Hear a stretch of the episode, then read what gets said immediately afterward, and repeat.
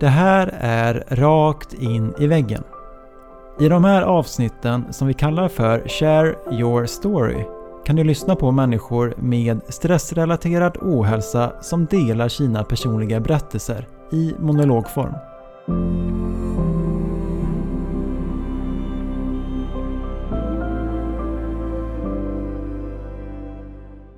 Jag vill ha ett barn till, men det går inte. För någonstans hade jag fått den insikten. Jag, jag utgick ju hela tiden från att om vi får en sån här ett sånt här första halvår som vi fick med Arvid och om jag får en sån graviditet som honom, det, det går inte nu. Det gjorde att jag började känna redan egentligen när jag gick in i väggen, för då var ju han ett och ett halvt, så det var ju inte helt långt bort att börja tänka på att faktiskt försöka skaffa barn till då. Så redan då kände jag en liten stress att, ja, det är liksom snart dags att komma igång, så att eh, det är dags att bli bättre. Eh, det gör inte att man blir bättre, att man försöker stressa sig frisk.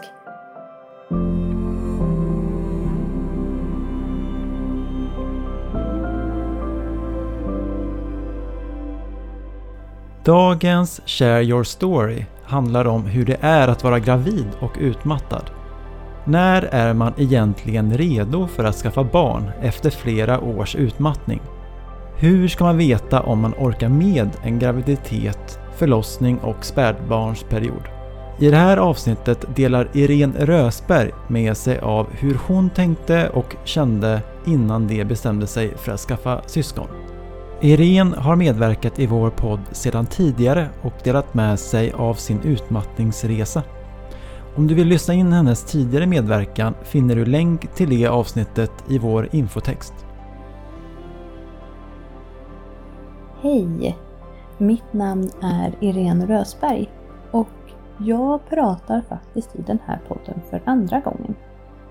Eh, första gången så delade jag med mig av min utmattningsresa eh, från start till där jag befann mig då. Vi pratade för och nackdelar. Eh, jag upplever att det finns både för och nackdelar med utmattning. Eh, tyvärr skulle jag vilja säga att det är främst nackdelar. Eh, jag delade med mig av det. Eh, men idag så kommer jag ha ett annat fokus. Idag tänker jag fokusera på ämnet utmattning i kombination med eh, ja, att vara gravid och skaffa barn. För det är eh, ett ämne som jag ehm, upplever att det finns en efterfrågan om att prata mer om. För när jag lägger ut ehm, inlägg om det här på min Instagram, Facebook-sida eller skriver om det här i Facebookgrupper så upplever jag att det kommer igång diskussioner. Jag får också privata meddelanden från folk som befinner sig i liknande situation och som vill ställa mycket frågor och vill bolla. Så då tänkte jag att eh, låt oss bolla ihop. Ehm, och det kommer att finnas en länk till det tidigare avsnittet om man vill börja lyssna på det.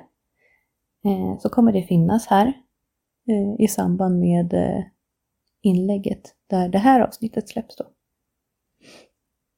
Eh, kort om mig jag eh, bor strax utanför Nynäshamn i en liten by som heter Sorunda och här bor jag tillsammans med min man och våra två barn. Vi har en sexåring och en sju månaders. Ehm, och härav anledningen till att vi ska prata graviditet och bebisar idag. Ehm, I mitt förra avsnitt, då pratade jag om att jag upplevt mig själv som en bromskloss i, ja, egentligen i vårt liv tillsammans, alltså min familjs liv. Eh, mot min man, mot min son. Eh, jag har känt det som att vi inte kommer någonstans för att jag är sjuk. Och hela vårt liv baseras på vad jag orkar, vad jag klarar av den dagen, vilken energinivå jag har och så vidare och så vidare och så vidare. Och det är små saker och det är stora saker. Det kan vara saker som orkar jag åka på en fika idag? Nej, det orkade jag inte så vi fick ställa in. Eller större saker. Orkar vi ha ett eh, stort bröllop som vi båda vill? Nej, det orkar vi inte. Eller vi och vi, jag orkar inte. Och det här har jag tyckt varit jätte, jättejobbigt. Jag har pratat en del om det här. Eh, för innan jag gick in i väggen, då jobbade jag som marknadsföringschef eh, och jag är utbildad civilekonom inom marknadsföring. Men eh, efter, eh, jag gick in i väggen då när jag var marknadsföringschef och efter det så gick jag inte tillbaka till marknadsföringen utan då började jag skriva och föreläsa om stress och utmattning. Eh, och Skrivandet ledde till en bok som heter Ursäkta röran, jag bygger om. Eh, och det ledde också till att jag då var ute och föreläste en del om mina erfarenheter. Och framför allt så vill jag peka på igenkänning. För mig var det så himla viktigt när jag satt där och var ett totalt vrak. Eh, jag visste inte så mycket om stress. Jag hade inte hört så mycket om utmattning. Jag eh, visste typ ingen som hade gått in i väggen.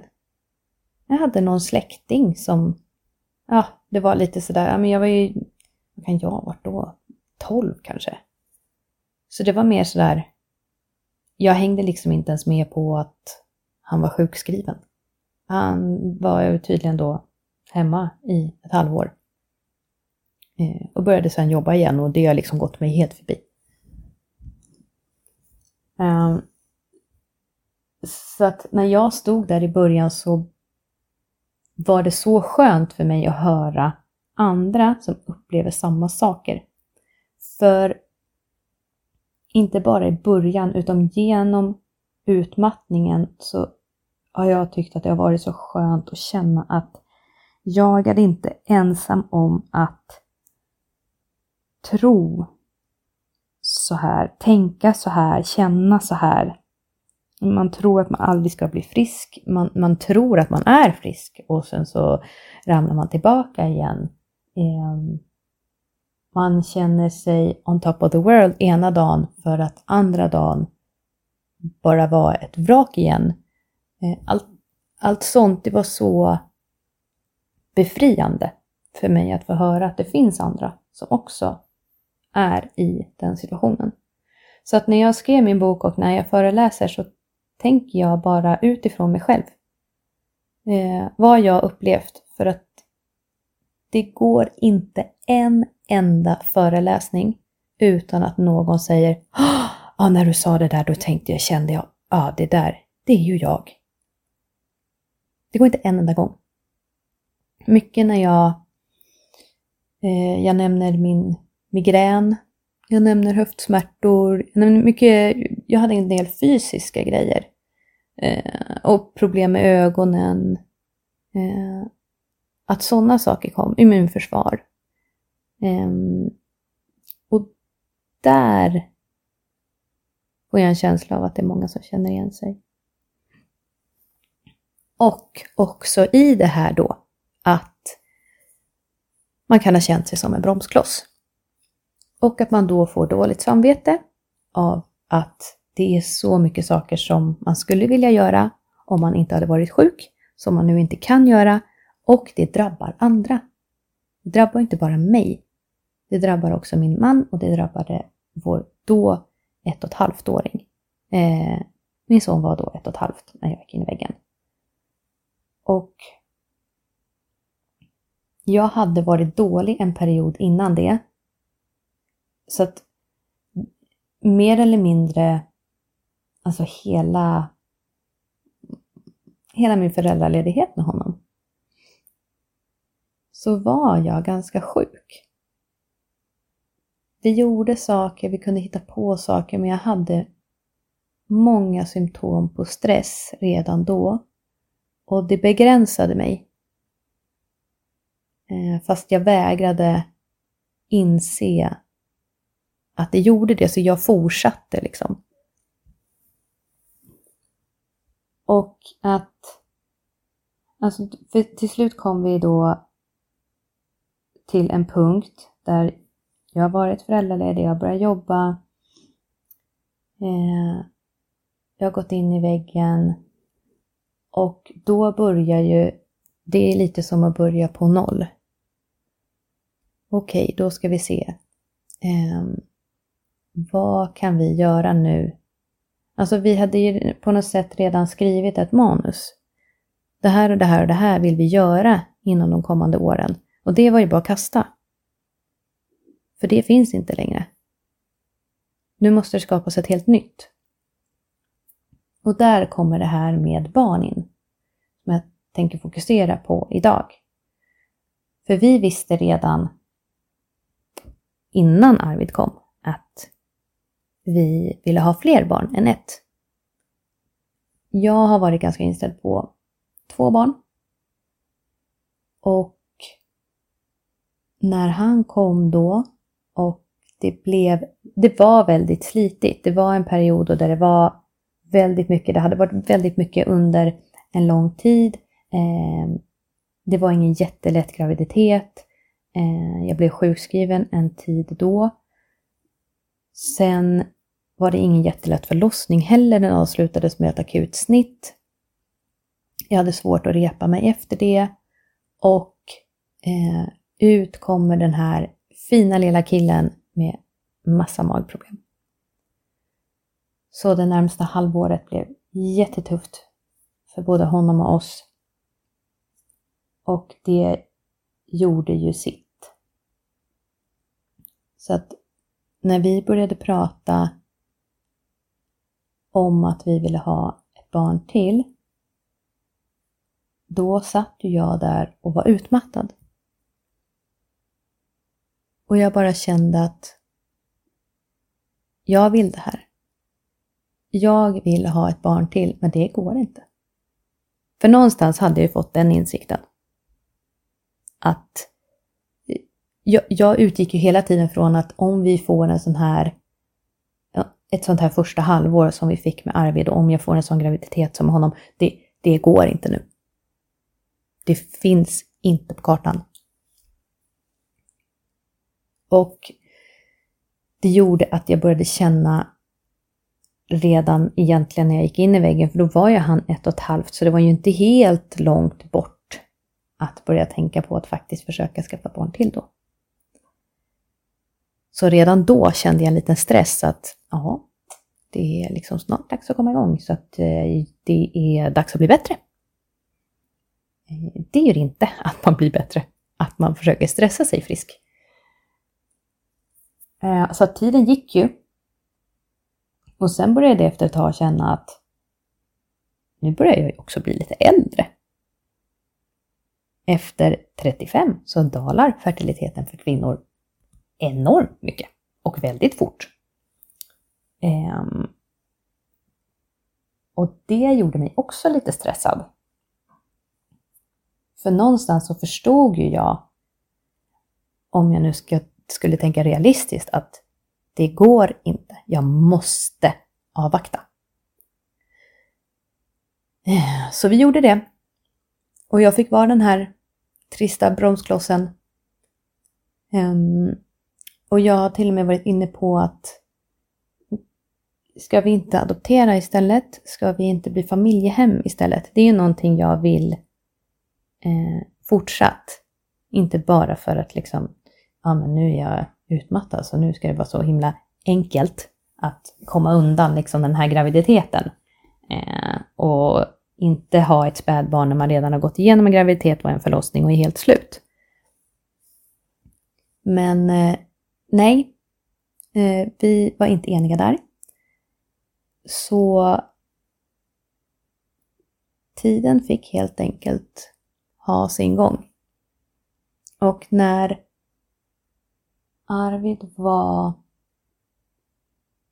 Jo, men för vi började efter några år, eh, efter några års sjukskrivning då, så började vi igen prata om att okej, okay, men om jag mår så här bra som jag gör nu, när hösten kommer, det här var någon gång i början av sommaren, så jag vet okej, okay, men om jag klarar den här hösten, då eh, så börjar vi försöka i början av nästa år. Hösten kom och jag totalkraschade, för jag hade kört för hårt. Um, och då sa vi, okej, okay, men, ja, men vi avvaktar nu då. Och så kommer liksom nästa runda, så känner man, ja men nu, nu, nu, nu, nu, nu. Och så händer någonting, och så kraschade jag. Och så, för det, det här har jag gjort några gånger i, i den här loopen. Jag liksom kommer upp till en viss nivå, får feeling, kör järnet, kraschar. Kommer till en viss nivå, får feeling. Mm, ni förstår. Eh, men till slut så var jag faktiskt på nivån att jag kände att det kommer inte komma ett perfekt läge när jag känner så här, oj, nu har jag hur mycket energi över som helst. Låt oss skaffa ett litet barn. Det, det kommer inte hända. Så att det är helt enkelt så att jag får fundera på, är det good enough? Och jag har varit ganska ledsen över att jag inte upplever att föräldraledigheten med Arvid blev som jag hade önskat. Jag vill ju ha mer energi, jag vill inte vara det där vraket som inte hade tid och, och tid hade jag ju, som inte hade ork. Eh, och faktiskt ibland inte ens lust. Jag ville inte, jag, jag, jag hade inte energin, det gick inte. Och jag kunde inte vara den mamman jag ville vara. Och det gnager i mig. Och det vill jag aldrig uppleva igen. Så därför har jag väntat och väntat och väntat och väntat och tänkt att det, jag måste få en bättre föräldraledighet den här gången. Det får inte bli så som med Arvid. Jag får inte, jag får inte skada ett barn till. Jag förstår att det inte är så att okej, okay, men jag har totalskadat honom, han kommer inte bli... Han, han, han är körd nu. Det är inte så. Jag tror inte att det är så. Men det är känslan man får. Um, så att när han var ja, men runt fem år kanske. Och då hade, då hade jag redan känt att ja, alltså han är, han är fem år, det är för sent. Nu, nu är vi där att vi har inte, han kommer inte få ett syskon som är så nära i ålder att de liksom är bästisar från start. Det är inte ett och ett halvt, två år, två och ett halvt år mellan dem. Det kommer vara ungefär sex år. Och det var en sorg. För att jag hade så sett det framför mig hur det skulle vara. Och så blev det inte så. Så att nu hade åren gått och jag bara kände att nej, nu är det good enough. Nu får vi faktiskt ta och försöka. Så vi kom faktiskt fram till att vi skulle göra det. Och jag hade så mycket känslor kring det här. Eh, jag tyckte att det var väldigt jobbigt att behöva ta det här beslutet. Och jag hade flera kompisar som sa att, men vad är det, vad väntar du på? Du sitter och väntar på något perfekt läge, det kommer inte komma ett perfekt läge. Låt det bära eller brista. Och jag tyckte de hade rätt. Och jag behövde kanske, jag visste det nog innerst inne, men jag behövde bara en, en extra liten så här, biff. Så, nu gör du det där. Och så fick jag den där lilla, lilla knuffen och så kunde jag göra det. Um, och jag blir gravid. Och jag bara känner att wow, kroppen är redo. Annars hade jag inte blivit gravid. Så att jag såg det som ett tecken på att bra, bra beslut. Och eh, veckorna gick och jag mådde väldigt dåligt. Eh, det var mycket, mycket kräks, mycket illamående. Um, och så fick jag covid också under den där perioden, så att det, jag var inte tipptopp. Eh, och så kommer vi till, eh, jo, för vi funderade på, men hur ska vi göra med Arvid? Eh, I och med att jag mår så dåligt, ska vi säga någonting till honom så att inte han går omkring och funderar på vad håller mamma på med? Eh, och jag ville nog någonstans också få säga att jag är inte sämre i utmattningen till någonting annat. Att han inte skulle tro att att jag var där igen på något vis. Jag, I efterhand känns det så konstigt för att det är klart att han inte trodde det. Han är, men ja, men för mitt, jag tror för mitt eget så ville jag bara få säga det. Att det, det här, och, och att det har inte med dig att göra. Jag tycker inte att du är jobbig. Det är inte så att jag inte vill vara med dig, utan jag, jag kan inte. Det går inte, jag mår för dåligt. Så att vi sa att jag har en prick i magen som kan bli en bebis. Och det här berättade vi för honom när jag kanske var i vecka åtta, nio någonting. Så vi hade inte varit på, vi skulle eh, göra kubbtest och vi hade inte varit på det. Eh, så vi sa bara att vi får vänta och sen får vi se om det blir en bebis eller inte. Och det var nog inte så mycket mer med det, utan han var så okej, okay, ja. Ehm, och efter de här veckornas väntan eh, så åker vi på kubbtest och hjärtat har slutat slå.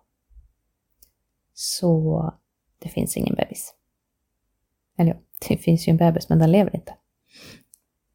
Och det här har vi varit med om förut. Det här kallas ju för missed abortion. Alltså att bebisen, eller fostret, eh, dör i magen men det kommer inget spontant missfall. Alltså det kommer inte ut.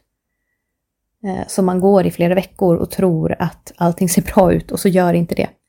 Och det är en rejäl smäll. När man ligger där och tror att man ska få se sin lilla plutt för första gången och så ser man på minen på han eller hon som gör ultraljudet att det här är inte bra. Eh, och i och med att vi hade varit med om det förut, det var innan vi fick Arvid, eh, så såg jag direkt på ultraljudsbilden som kom upp på datorn där att nej, det här är, det här är inte ett foster som är i vecka 12. Det här är mindre. Eh, så jag sa, det har stannat upp va? Och då sa hon, ja tyvärr, det har gjort det. Och det blev ju skitjobbigt såklart. Och jag tog det som ett tecken på att okej, okay, kroppen orkar inte. Jag var ju så himla glad och säker där från start att men nu, woho, det gick ju jättebra det här. Och sen så bara, nej, upp som en sol, ner som en pannkaka, det här kommer aldrig gå. Eh, hur kunde jag göra så här? Mot min kropp.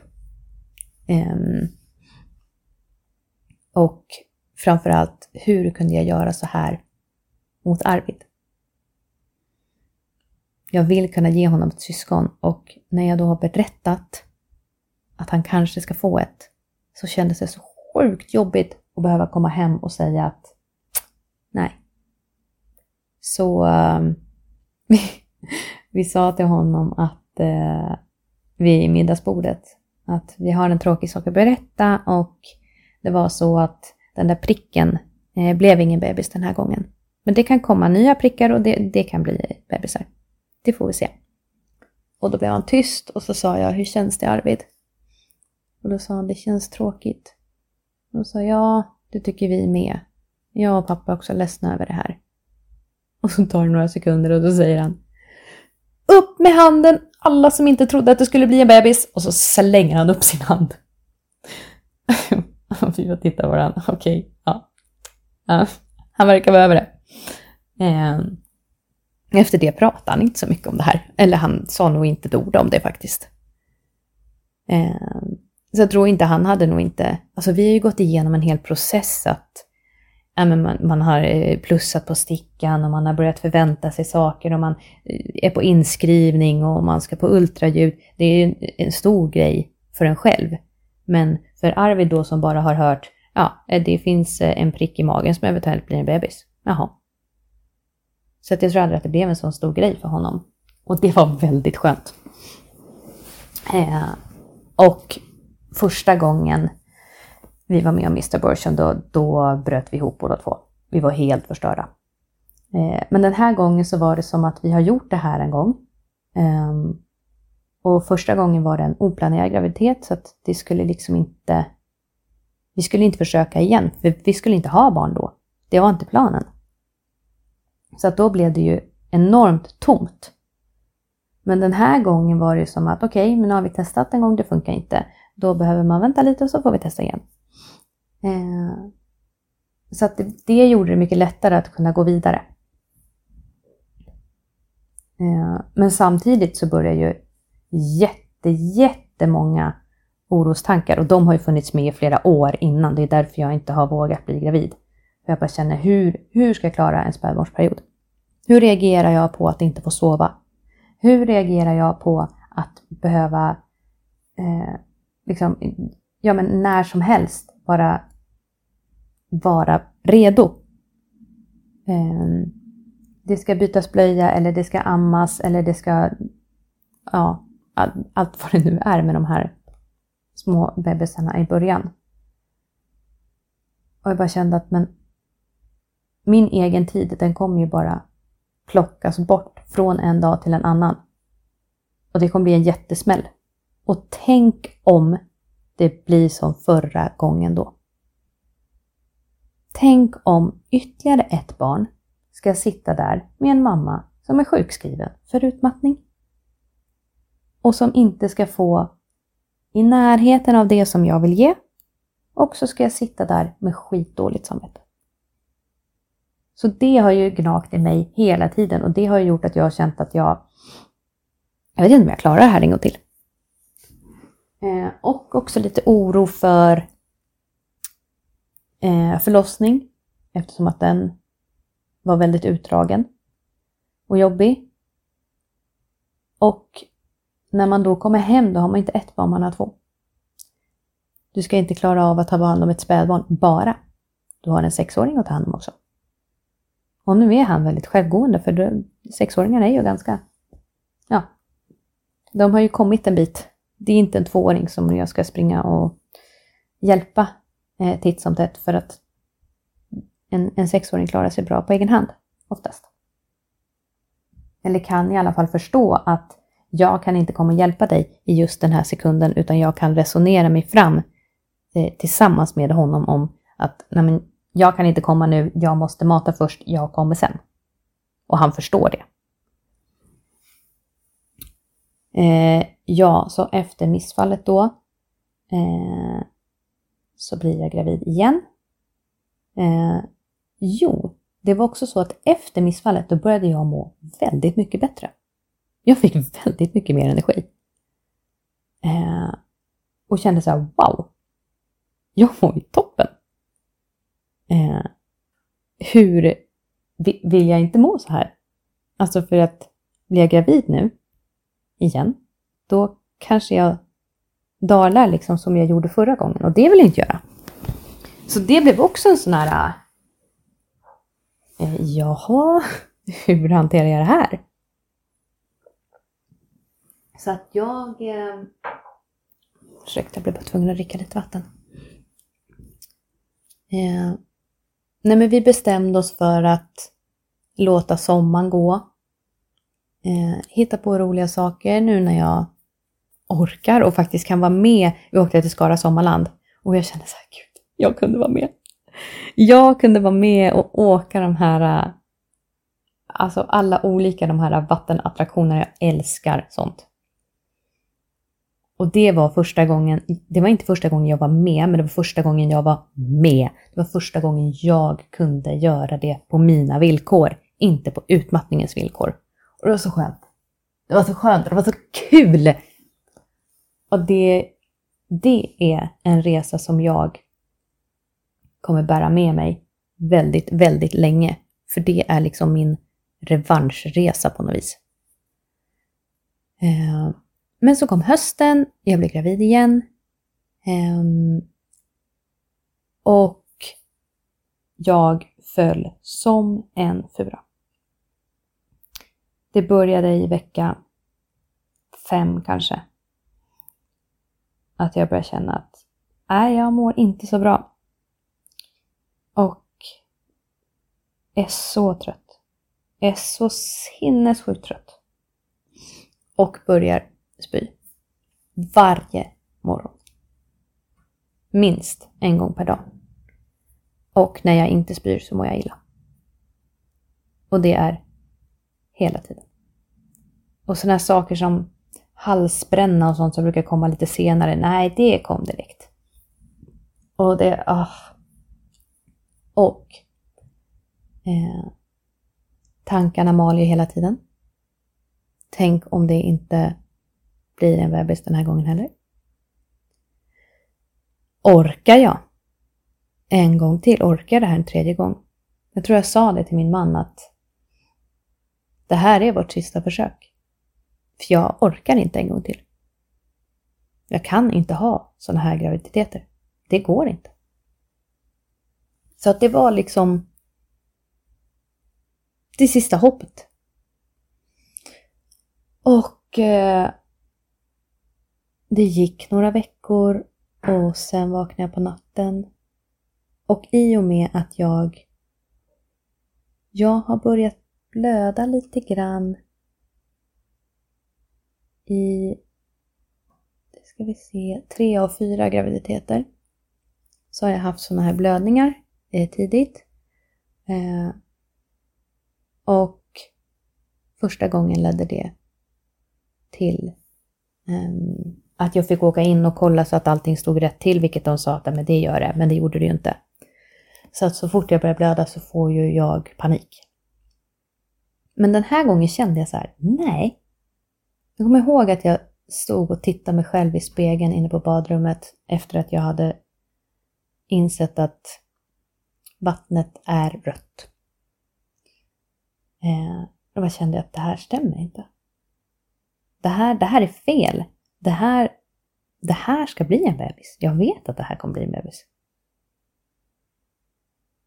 Eh, och jag gick in till min man och sa att ja, jag blöder igen.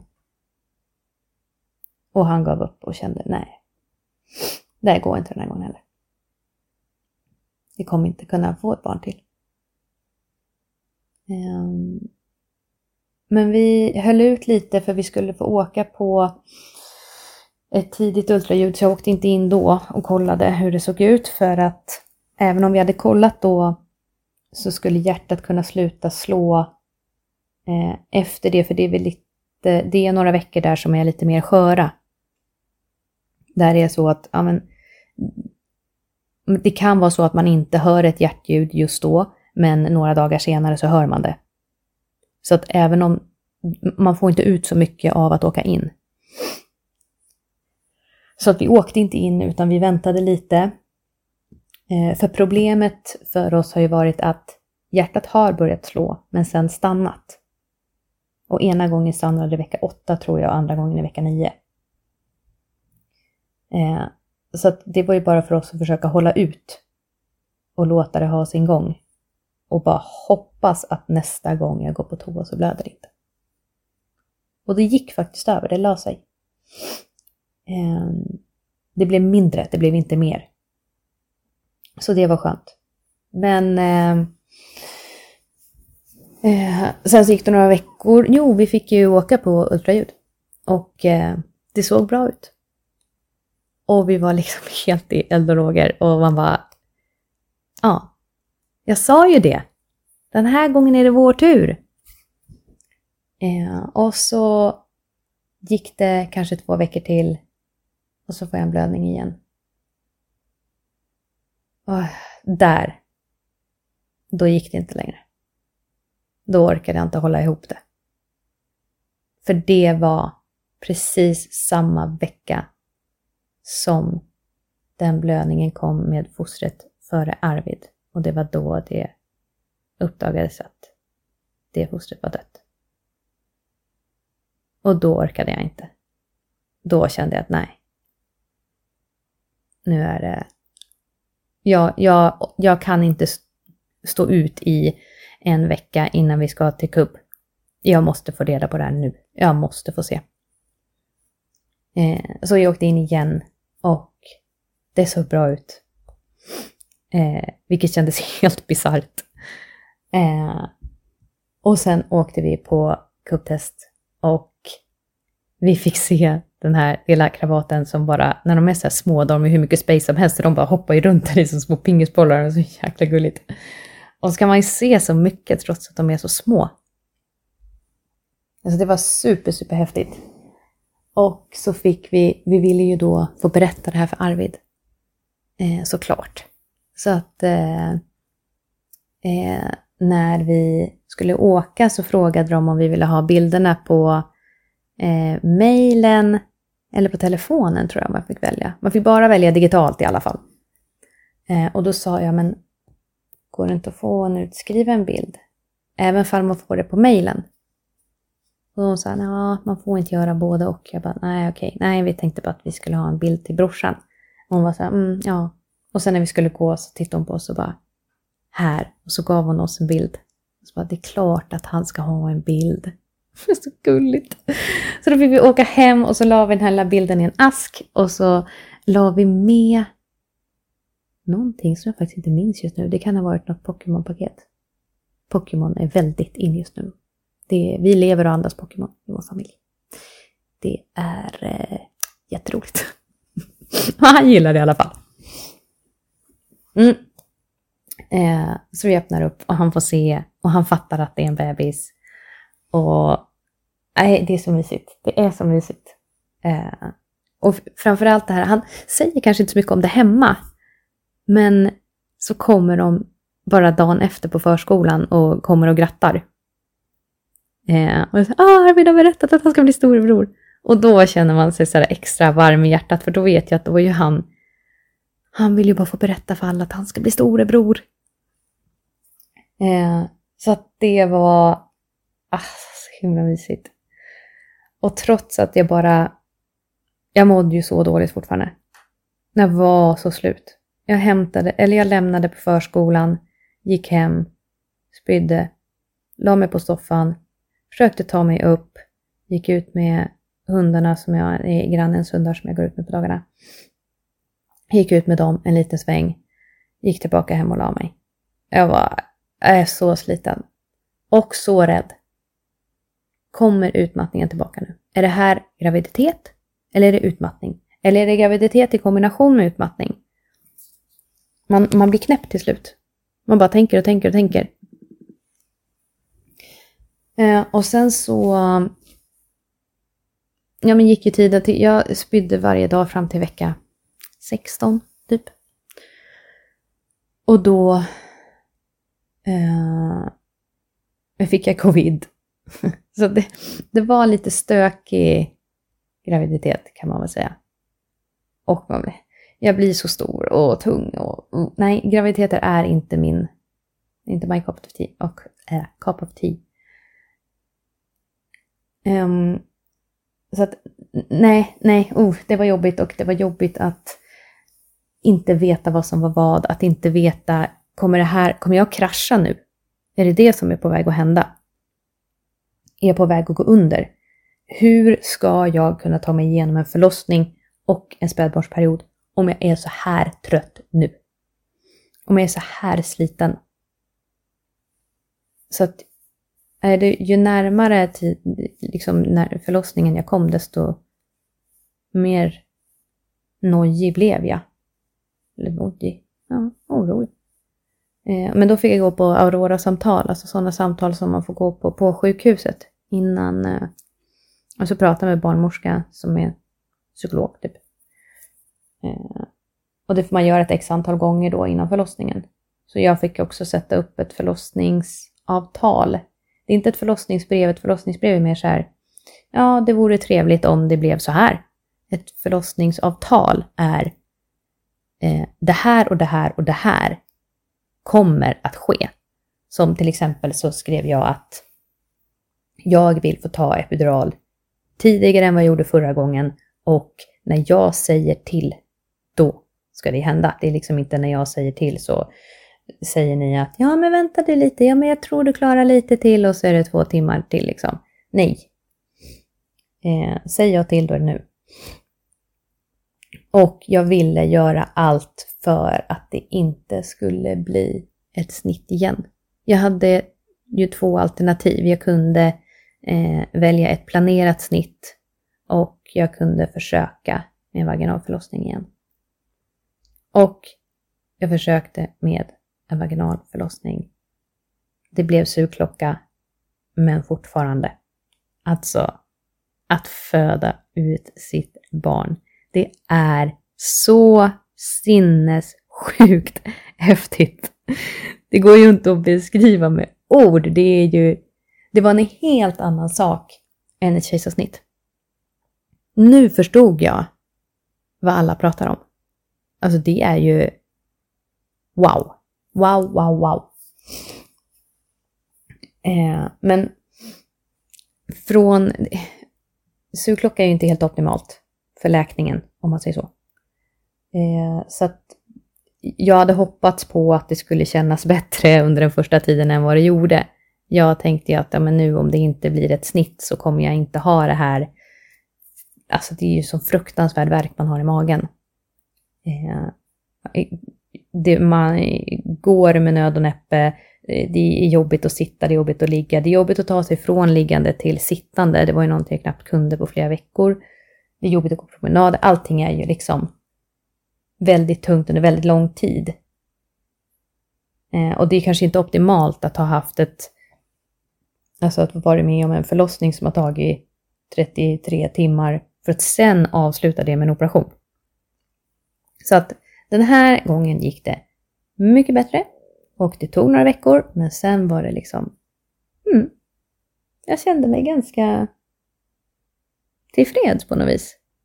Och den här lilla pluttan, lilla Elin som kommer ut, är så ljuvlig. Alltså, wow. Eh, och de första veckorna börjar så bra. Eh, under den perioden som jag mår som sämst fysiskt om man säger så, då är hon liksom ja, men hon är så lugn, hon sover så bra, vi kan liksom lägga ifrån oss henne och hon sover. Det hände ju inte med Arvid. Vi, det, var, det var ingen vi kunde stava till. Eh, så hon var mycket lugnare så och vi bara, hon har inga magproblem. Herregud, vi har fått en bebis utan magproblem. Eh, så att jag var nog lite high on life där och kände att men det här, det kommer gå. Eh, och i takt med att jag blev bättre så blev hon sämre. Hennes mage började krångla. Hon eh, sov inte alls lika bra. Hon eh, var inte lika nöjd på dagarna. Hon eh, skrek från sju på kvällen till ungefär 10-11. Eh, och vi vagga och vagga och vagga och vagga och man bara kände att ja, historia upprepar sig. Det här är samma sak som vi redan har gjort. Och på dagarna var det vagga, vagga, vagga, vagga, vagga, vagga. Och energin började tryta såklart. Och jag bara, okej, okay, panik. Vad gör jag? Nu har jag inget val. Jag har redan gjort mitt val. Jag har liksom redan gått igenom en graviditet och en förlossning och nu är jag här. Jag, jag sitter fast. Jag behöver sova. Jag behöver komma ifrån och det går inte. Eh, så att jag bokar tid hos psykolog och säger att jag är väldigt orolig. Jag är orolig för att jag ska hamna där jag har varit. Eh, och jag är orolig för att jag kan inte riktigt skilja symptomen från en trött småbarnsförälder och någon som är utmattad. Jag vet inte riktigt vad som är vad. Förrän det smäller, då vet jag vad som är vad. Men, men innan det vill jag liksom kunna förstå vad är det som händer. Och då så säger hon, ja vad är det du jobbar med? Och då sa jag, ja men innan eh, eh, föräldraledigheten här så jobbar jag som, ja jag är ju författare och föreläsare då inom stressrelaterad ohälsa. Jaha, ja, sa jag, ja, har du släppt någon bok då? Ja, men det har jag gjort. Jaha, om, eh, om stress? Skrev jag, ja, jag har skrivit om min, ja, min utmattning och hur, hur den var. Och då svarar hon, jaha, men då kan ju du det här redan. Så tyckte hon liksom att vi var klara. Och så sa hon att jag tror inte att du behöver vara här. Jag tror inte du behöver komma tillbaka hit. Men om du vill det så får du ju säga till om du kan ju fundera lite på det om du vill boka någon ny tid. jag bara kände, men skojar hon med mig? Det är ju som att säga att en psykolog får inte gå till en psykolog. För en psykolog ska redan kunna allt, ska redan ha alla verktyg, så den personen mår inte dåligt. Behöver inte hjälp av någon annan. Men alltså, så jag kände att, nej men vet du vad, jag struntar i detta. Eh, jag löser det här, tack. Eh, så att, och när jag säger det här så inser jag att det här borde jag ju ta tag i igen. Eh, för efter det liksom rann det ut i sanden. Det är ju inte så att man har oceaner av tid och ork när man har en bebis som inte sover. Ehm, och nu har det gått sin tid. Hon är sju månader. Hon sover fortfarande inte bra på nätterna. Hon sover riktigt dåligt faktiskt. Eh, och har eh, mjölkproteinallergi. Eh, så att det var kanske en anledning till hennes magproblem där i början. Eh, och eh, det är svårt att introducera mat eftersom hon har sådana problem med magen. Ehm, och om hon inte kan äta så mycket mat så betyder det att hon behöver amma mer och det gör hon gärna på nätterna. Så det är tufft. Och det är men, men så här är det. Det är tufft. Jag vet att det är tufft. Jag känner igen mina signaler och jag har signaler på stress. Absolut. Men jag kan också plocka fram mina verktyg. Och det var det här jag hoppades på när jag gick in i det här och sa, nej men nu kör vi. Då hoppades jag att jag skulle sitta här, om det nu var så att det var tufft, så skulle jag plocka fram det jag redan kan. Och det har jag gjort till viss del. Jag är inte bäst i världen på att gå ner och sätta mig kanske i källaren och yoga eller ta en liksom mindfulness-stund. Det är jag inte bra på, tyvärr. Eh, jag ska jobba på det. Däremot så vet jag att okej, okay, nu är jag, nu måste jag vila. Eller nu behöver jag bryta. Nu behöver jag göra något helt annat. Nu behöver jag få vara kanske lite kreativ. Nu vill jag eh, få gå ut med Arvid i skogen och eh, hitta mossa och kottar och grejer och göra lite julgrupper hemma eller någonting sånt. Eh, jag, jag förstår så långt.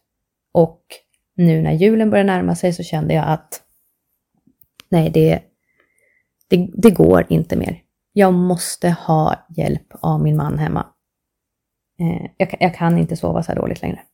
Man, man, fungerar ju inte som människa. Alltså jag, oh, det måste jag berätta om snart. Men eh, man fungerar inte som människa när man inte får sömn. Så, eh, och så tänkte jag att men det är bara två veckor kvar till jullov. Jag håller ut. Och sen när jag sa det högt till mig själv så insåg jag att, men vänta lite här nu. Nu, är, nu går jag i den här fällan igen. Ja, men jag ska bara lite till. Bara lite till. Men bara lite till. Nej. Nej. Det finns inget bara lite till. Och jul. Som om man vilar över julen. Vem vilar över jul? Det är grejer som händer över jul hela tiden. Det är släktingar som är på besök.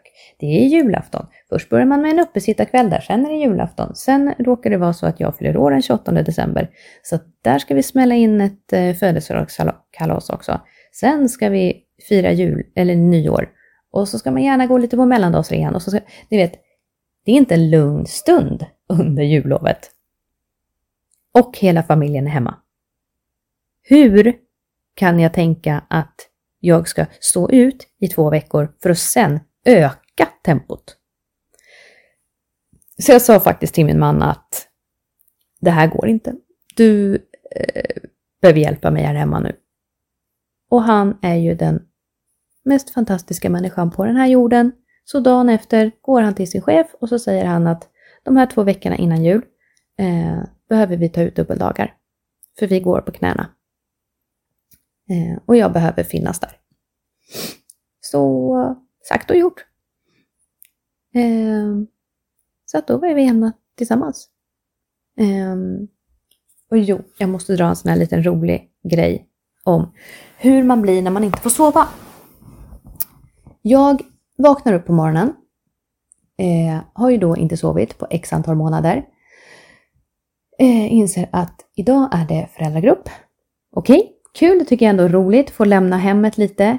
Elin gillar att få intryck utifrån så att vi är iväg och gör mycket grejer för att det gör vardagen mycket lättare för mig. Och roligare för henne. Så det är ju win-win. Eh, men så bara inse att jäklar, jag har ju eh, en, jag hade någonting inbokat på morgonen och sen på eftermiddagen som båda grejerna var i Nynäshamn och det är ändå två mil för mig att åka dit. Så då var jag så här, men jag kan sitta och åka fram och tillbaka och så Elin skriker i bilen, hon gillar inte att åka bil. Jag bara känner nej, det är bara för mycket stress, jag, jag pallar inte. Så jag ringer BVC på morgonen, eh, för det var dit jag skulle både på förmiddagen och eftermiddagen då. Och så säger jag att eh, ja men hejsan, jag skulle behöva boka om den tiden som jag har på förmiddagen. Eh, och så svarar hon, men Irene, vi har ju redan bokat om den. Du har ingen tid idag. Du har tid imorgon. Och jag bara, aha, vad bra! För imorgon, då är ju nämligen både jag och min man lediga. För vi är alltid lediga tillsammans på onsdagar. Och så hon bara, ja, du sa det då också.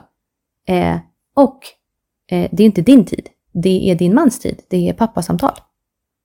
Jaha, säger jag. Okej, ja, ja, det är pappasamtal. Eh, ja, men vad bra. Och så säger jag, ja men då så, då kan jag vara hemma och ta det lite chill. Hon bara, ja, Elin ska ju gärna vara med. Jag bara, ah, ännu bättre. Hon bara, eh, ja. Och Elin kommer ju behöva äta. Ja, du tänker att jag ska med? Okej, okay, ja, fattar, fattar. Eh, jag ska sitta i väntrummet. Okej, okay, okej, okay, förstår. Eh, så att vi lägger på och jag blir lite så här, åh oh, herregud, jag är så lost. Åker in till föräldragruppen på eftermiddagen, sladdar in på BVC och då ser hon, sköterskan, mig eh, och bara Irene, alltså hon som jag pratade med tidigare på morgonen. Eh, ja, Irene, eh, ska du på föräldragrupp? Jag bara, ah! Kommer in liksom 13.01. Det börjar 13.00. Hon bara, ja det är inte här. Jag bara, nej, det är inte sant. Hon bara, nej men lugn, lugn. Hon ser på mig att det är så här, nej.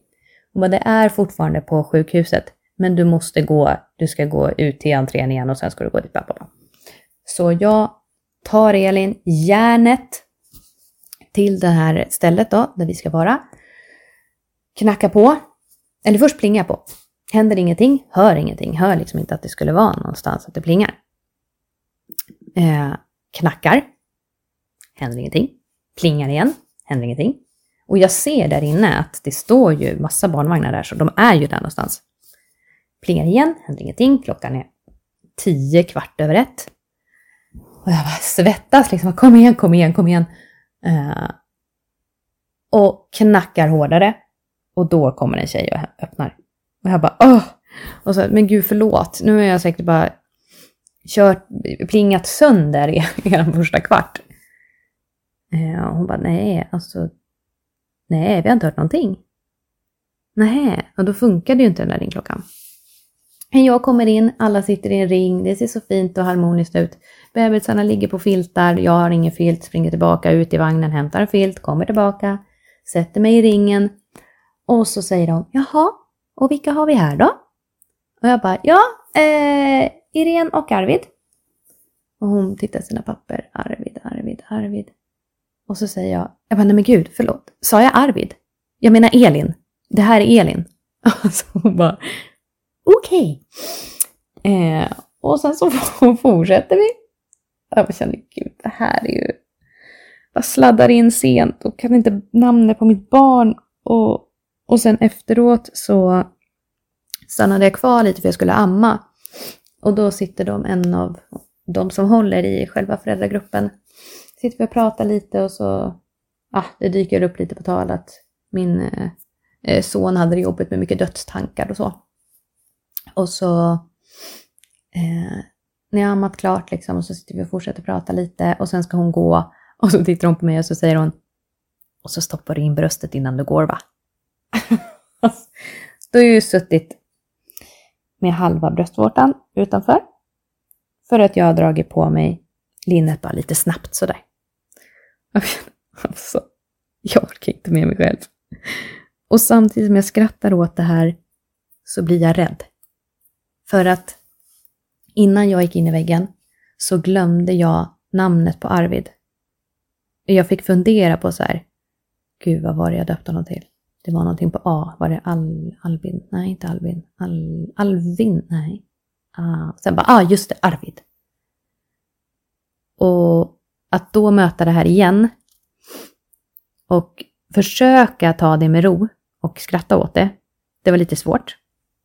Det är fortfarande svårt att skratta åt vissa saker som är sådana här stresssymptom som är ändå ganska komiska. Det här är ju ganska komiskt. Eh, och att man blir sådär förvirrad. Och, och hade det berott på amning och eh, att man får dåligt med sömn under en period bara sådär. Um, då, kan, då kan man ändå skratta lite åt att haha, ja, den där perioden, haha.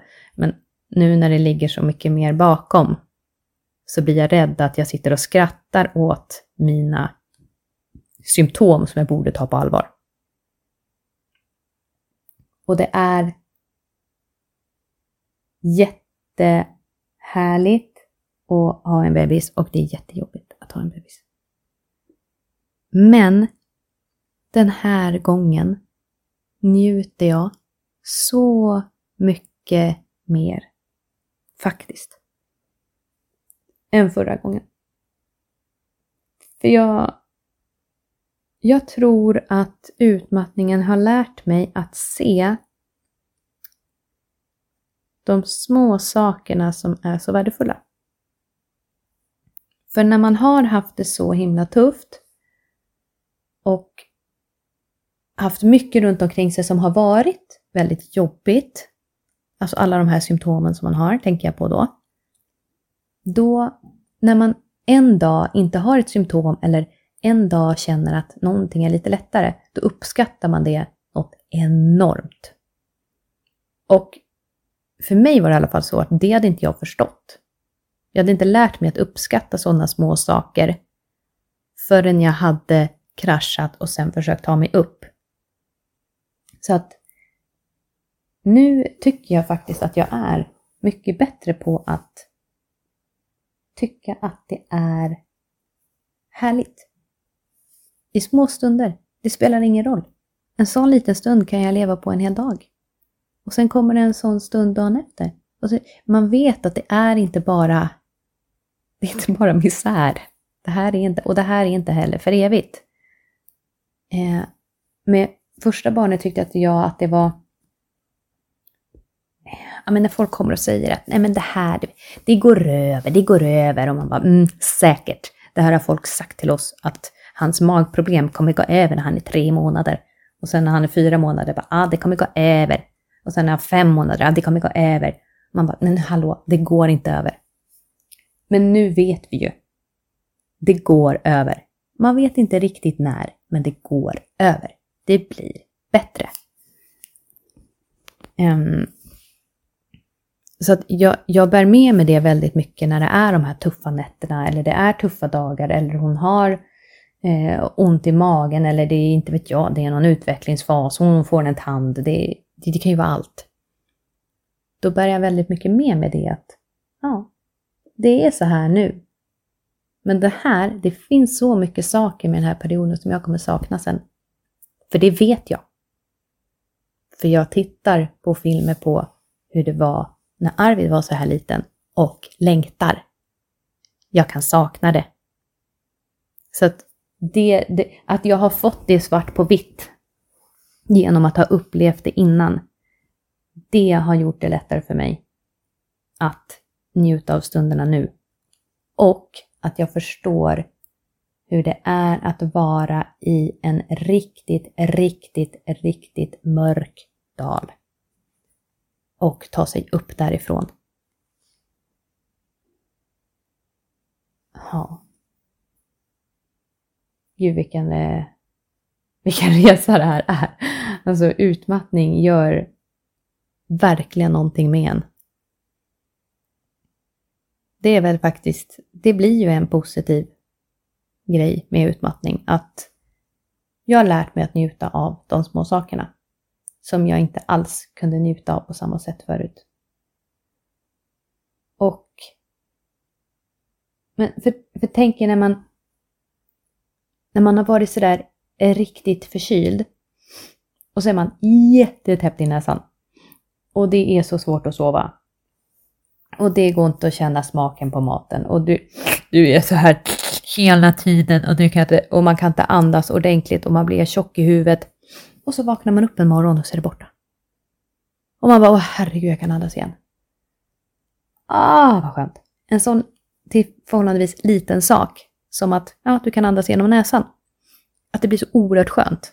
Den känslan är det på de här små sakerna när man sakta men säkert tar sig ur en utmattning. Man vaknar en dag och så bara Gud, jag har inte haft en overklighetskänsla sedan jag vaknade och det var tio minuter sedan jag vaknade. Wow! Förstår du? Man, de, hela dagen blir nästan så här, ah, det spelar ingen roll att jag har overklighetskänslor just nu. Jag skiter i dem, jag hade dem inte i tio minuter i morse. Där ska vi nog sätta lite punkt för idag tror jag. Att njuta av de små sakerna i livet. Ehm, fundera på om det är någonting jag har glömt. Men jag tror faktiskt inte det. Jag tror att det här får sammanfatta hur, eh, vilka tankar och funderingar som kan komma med att ge sig in i något sånt här, en sån här stor förändring i sitt liv när man inte riktigt är hundra på att man faktiskt kommer klara det. För det har jag inte varit. Men det har gått. Och det kommer fortsätta gå. För att jag kan det här nu. Och om det nu är någon som sitter där ute och känner precis som mig, som jag gjorde för ett och ett halvt år sedan, att man bara inte vet. Alltså, det här är ju inte jätteroligt att höra då kanske, men det är ju faktiskt bara en själv som vet. Det är bara du som kan bestämma när du känner dig redo. Och du kommer ha med dig. Om du har verktyg nu så kommer du inte ha glömt bort dem sen. Det kommer komma, du kommer förstå. Och det kommer göra det lättare att hantera vardagen. Även om den är tuff, jag vet att jag har det väldigt tufft just nu, så kan jag ändå plocka in många delar. Jag kan också, jag är också bättre på att be om hjälp. Att säga till min mamma, man att nu behöver jag att du bara sätter henne i vagnen, går ut på en promenad. Eller att jag, jag har mina föräldrar fyra hus bort, det är ju en dröm alltså. Då tar jag henne, så går jag över dit och så säger jag, kan inte ni bara ha henne här? Hon har sovit och hon har ätit. Kan hon vara hos er i en och en halv timme? Så jag bara får ta det lite lugnt. Jajamän, säger de. Sådana saker hade jag aldrig gjort förut. Äh, fröken, jag kan själv. Men man vet ju vad, ibland kan man inte själv och då behöver man be andra om hjälp för att överleva. Så att, ja. Gjorde jag rätt? Ja, det gjorde jag. Och jag är så sjukt glad och nöjd över att jag vågade. Och över att jag fick revanschen. För det här är tufft men jättehärligt. Ehm, och som sagt, är ni nyfikna så på liksom mer om mig så finns ju både det här tidigare avsnittet eh, i den här podden då. Och sen så kan man ju läsa min bok Ursäkta röran jag bygger om. Där finns ju hela min eh, resa egentligen. Det står ingenting om Elin där för att hon var inte född då. Eh, men eh, fram tills dess så finns det egentligen allt blottat för att man inte ska känna sig ensam. För jag vet att väldigt, väldigt många känner igen sig i det som står i den boken. Och även om det känns tråkigt så känns det också väldigt skönt att veta. Jag fick från en tjej, alltså det, det finns så många fantastiska människor. Det är så många som hör av sig och tar sig tid att leta upp mig, höra av sig till mig, bara för att skriva hur bra de tycker att boken är. Och det är så... Jag blir helt blown away av sådana människor. Det är så fint. Och då var det en tjej som skrev att jag brukar lyssna på dig när jag sitter på jobbet och tycker att det är lite tufft. Jag tror jag har lyssnat på din bok åtta gånger. Alltså, då sitter hon och lyssnar om och om och om igen på den här boken. Alltså det, det är så himla, det känns så bisarrt. Det är så himla gulligt. Och det, herregud, det gjorde typ mitt år. så fin kommentar. Eh, och med det sagt, boken finns då både fysisk och eh, eh, som ljudbok på de här vanligaste ljudbokställena. Eh, och fysiskt är den egentligen bäst att beställa på min hemsida för att då kan jag skriva med en liten hälsning och få skicka boken själv. Eh, och då är det Irene Rösberg med ö.se. Irene Rösberg med ö.se. Och då är det Irene Rösberg. Annars finns jag också på Instagram. Där kan man följa mig och på Facebook i och för sig. Jag heter Ursäkta röran jag bygger om på båda ställena. Man kan säkert söka på Irene Rösberg också och få upp de sidorna. Eh, och på Instagram blir det ju då, eh, vad blir det, ursakta underscore roran underscore jag underscore bygger underscore om. Mm.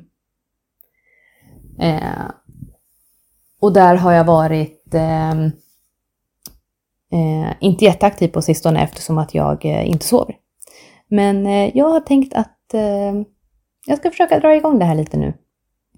Eh, igen, för det finns otroligt mycket tankar och funderingar som eh, jag vet att andra också har som jag behöver få ut där eh, och som är ganska färska för mig nu också i och med att det händer så mycket. Men eh, hörni, tack för idag. Eh, kul att ni lyssnar. Jag hoppas att ni har fått med er någonting eh, från det här avsnittet som har varit väldigt specifikt. Eh, ja, Eh, är det någon som kämpar med detta så önskar jag jätte, jättemycket lycka till och god bättring.